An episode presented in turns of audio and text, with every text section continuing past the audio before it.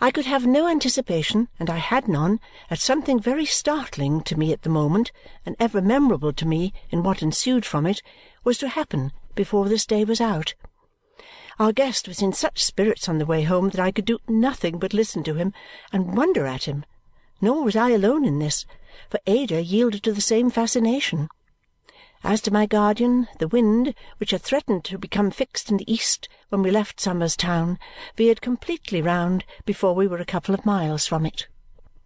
Whether of questionable childishness or not in any other matters, Mr. Skimpole had a child's enjoyment of change and bright weather. In no way wearied by his sallies on the road, he was in the drawing-room before any of us, and I heard him at the piano while I was yet looking after my housekeeping singing refrains of barcarolles and drinking songs, Italian and German, by the score. We were all assembled shortly before dinner, and he was still at the piano, idly picking out in his luxurious way little strains of music and talking between whiles of finishing some sketches of the ruined old Verulam wall to-morrow, which he had begun a year or two ago and had got tired of, when a card was brought in, and my guardian read aloud in a surprised voice, Sir Leicester Dedlock? The visitor was in the room while it was yet turning round with me and before I had the power to stir. If I had had it, I should have hurried away. I had not even the presence of mind, in my giddiness, to retire to Ada in the window, or to see the window, or to know where it was.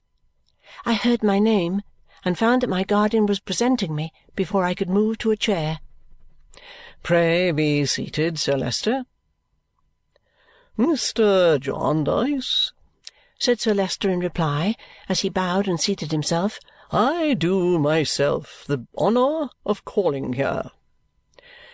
You do me the honour, Sir Leicester. Thank you.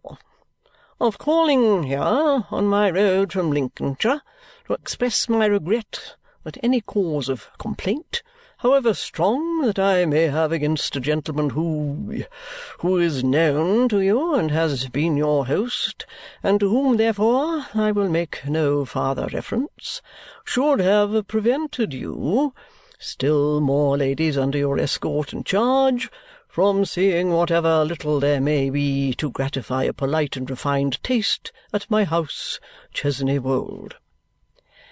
You are exceedingly obliging, Sir Leicester, and on behalf of those ladies who are present, and for myself, I thank you very much.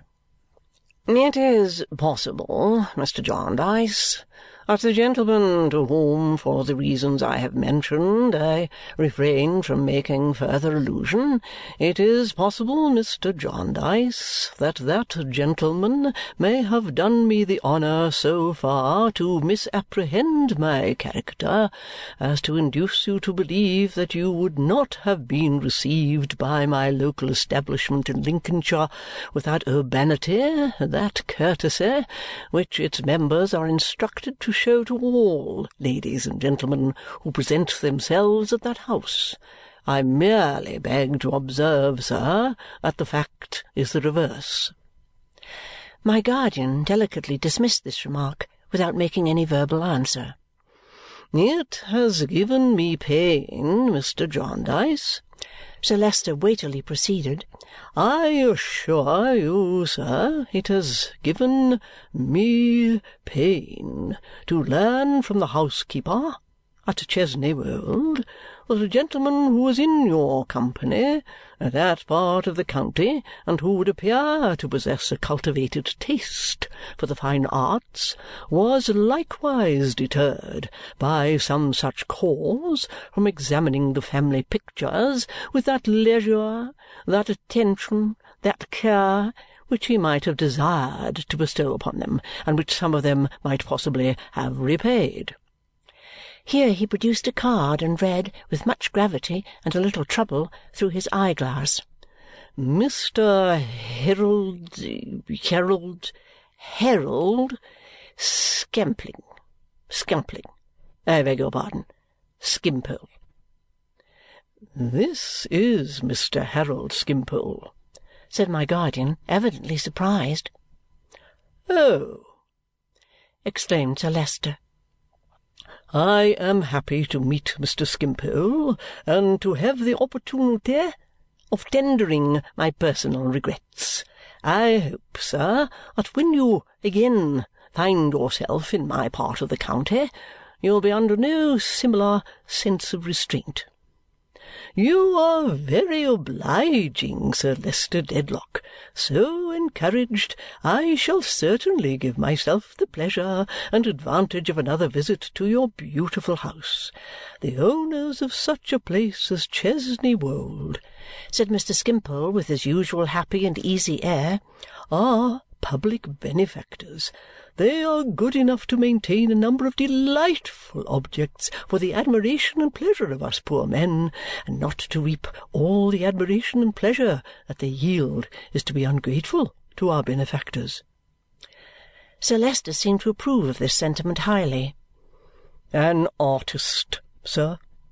"No," returned Mr. Skimpole. "A perfectly idle man. A mere amateur. Sir Leicester seemed to approve of this even more. He hoped he might have the good fortune to be at Chesney Wold when Mr. Skimpole next came down into Lincolnshire. Mr. Skimpole professed himself much flattered and honoured.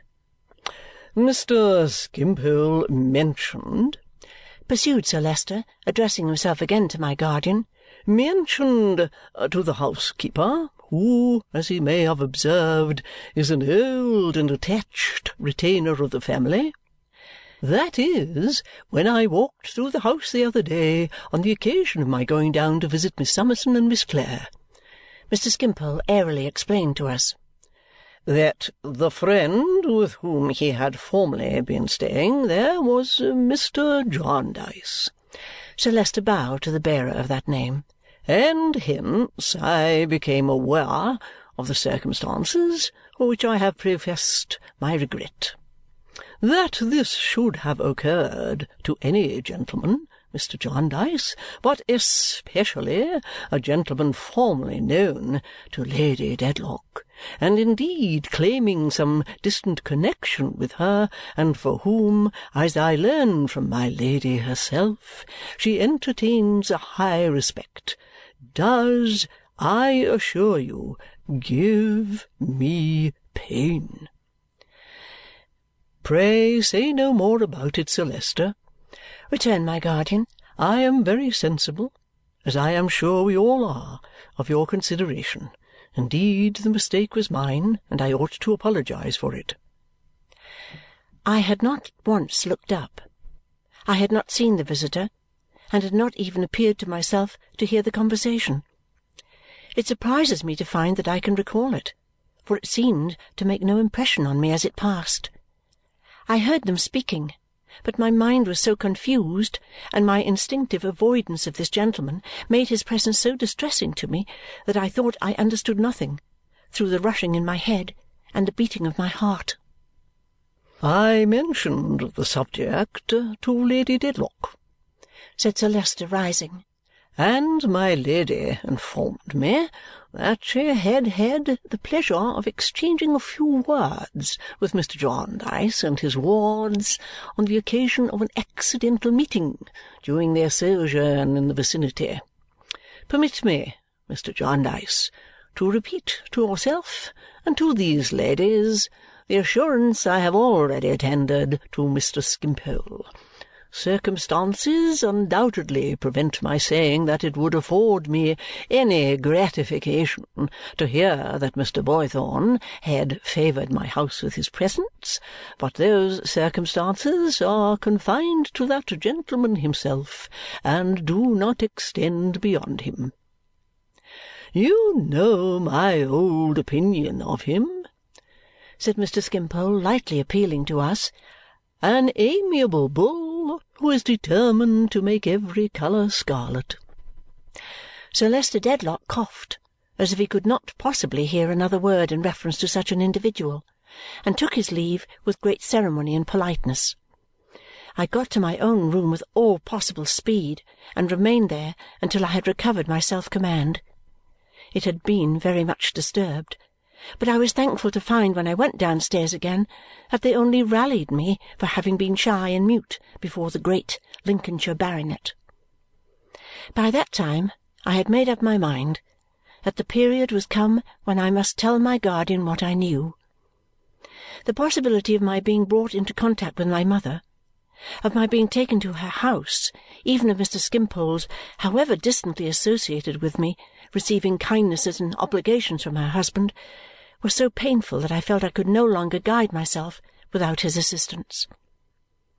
When we had retired for the night and Ada and I had had our usual talk in our pretty room, I went out at my door again and sought my guardian among his books.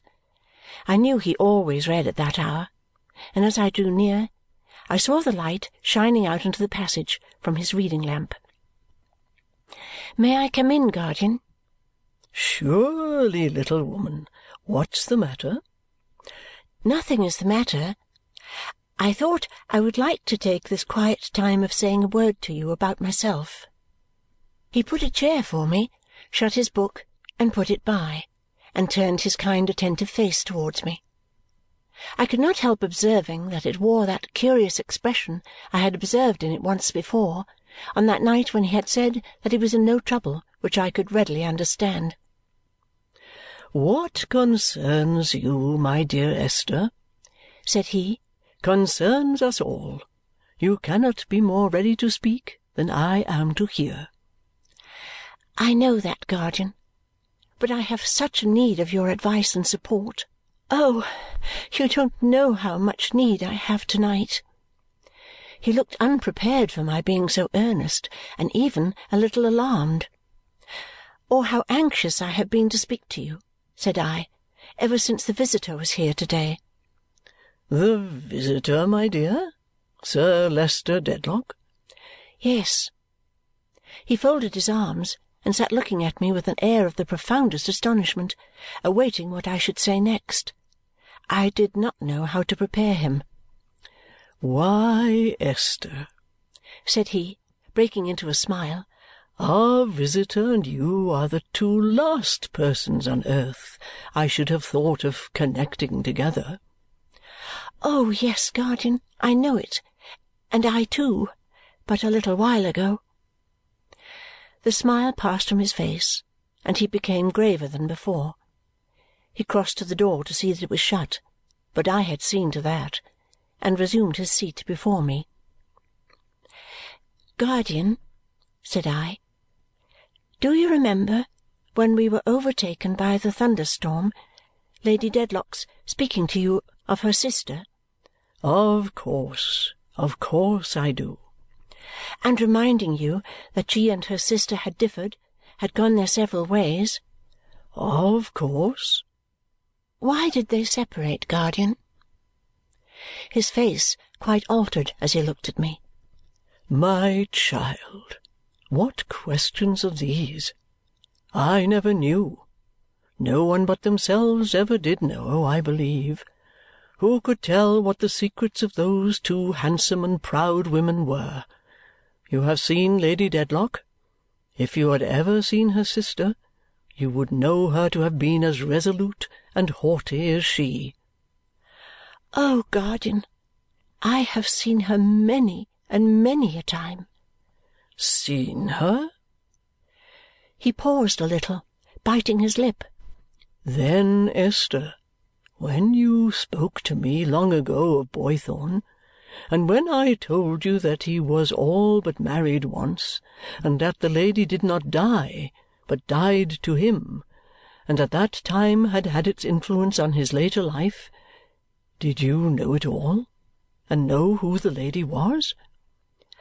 "No, guardian," I returned, fearful of the light that dimly broke upon me. "Nor do I know yet. Lady Dedlock's sister." "And why?" I could scarcely ask him. "Why, guardian? Pray tell me, why were they parted?" "It was her act, and she kept its motives in her inflexible heart. He afterwards did conjecture, but it was mere conjecture that some injury which her haughty spirit had received in her cause of quarrel with her sister had wounded her beyond all reason, but she wrote him that from the date of that letter she died to him, as in literal truth she did, and that the resolution was exacted from her by her knowledge of his proud temper and his strained sense of honour, which were both her nature too. In consideration for those master points in him, and even in consideration for them in herself, she made the sacrifice, she said, and would live in it and die in it. She did both, I fear. Certainly he never saw her, never heard of her from that hour, nor did any one. "Oh, guardian, what have I done!" I cried, giving way to my grief. "What sorrow have I innocently caused!" "You caused, Esther?" "Yes, guardian. Innocently, but most surely. That secluded sister is my first remembrance." "No, no!" he cried, starting. "Yes, guardian, yes, and her sister is my mother." I would have told him all my mother's letter, but he would not hear it then. He spoke so tenderly and wisely to me, and he put so plainly before me all I had myself imperfectly thought, and hoped in my better state of mind, that penetrated as I had been with fervent gratitude towards him through so many years, I believed I had never loved him so dearly, never thanked him in my heart so fully as I did that night.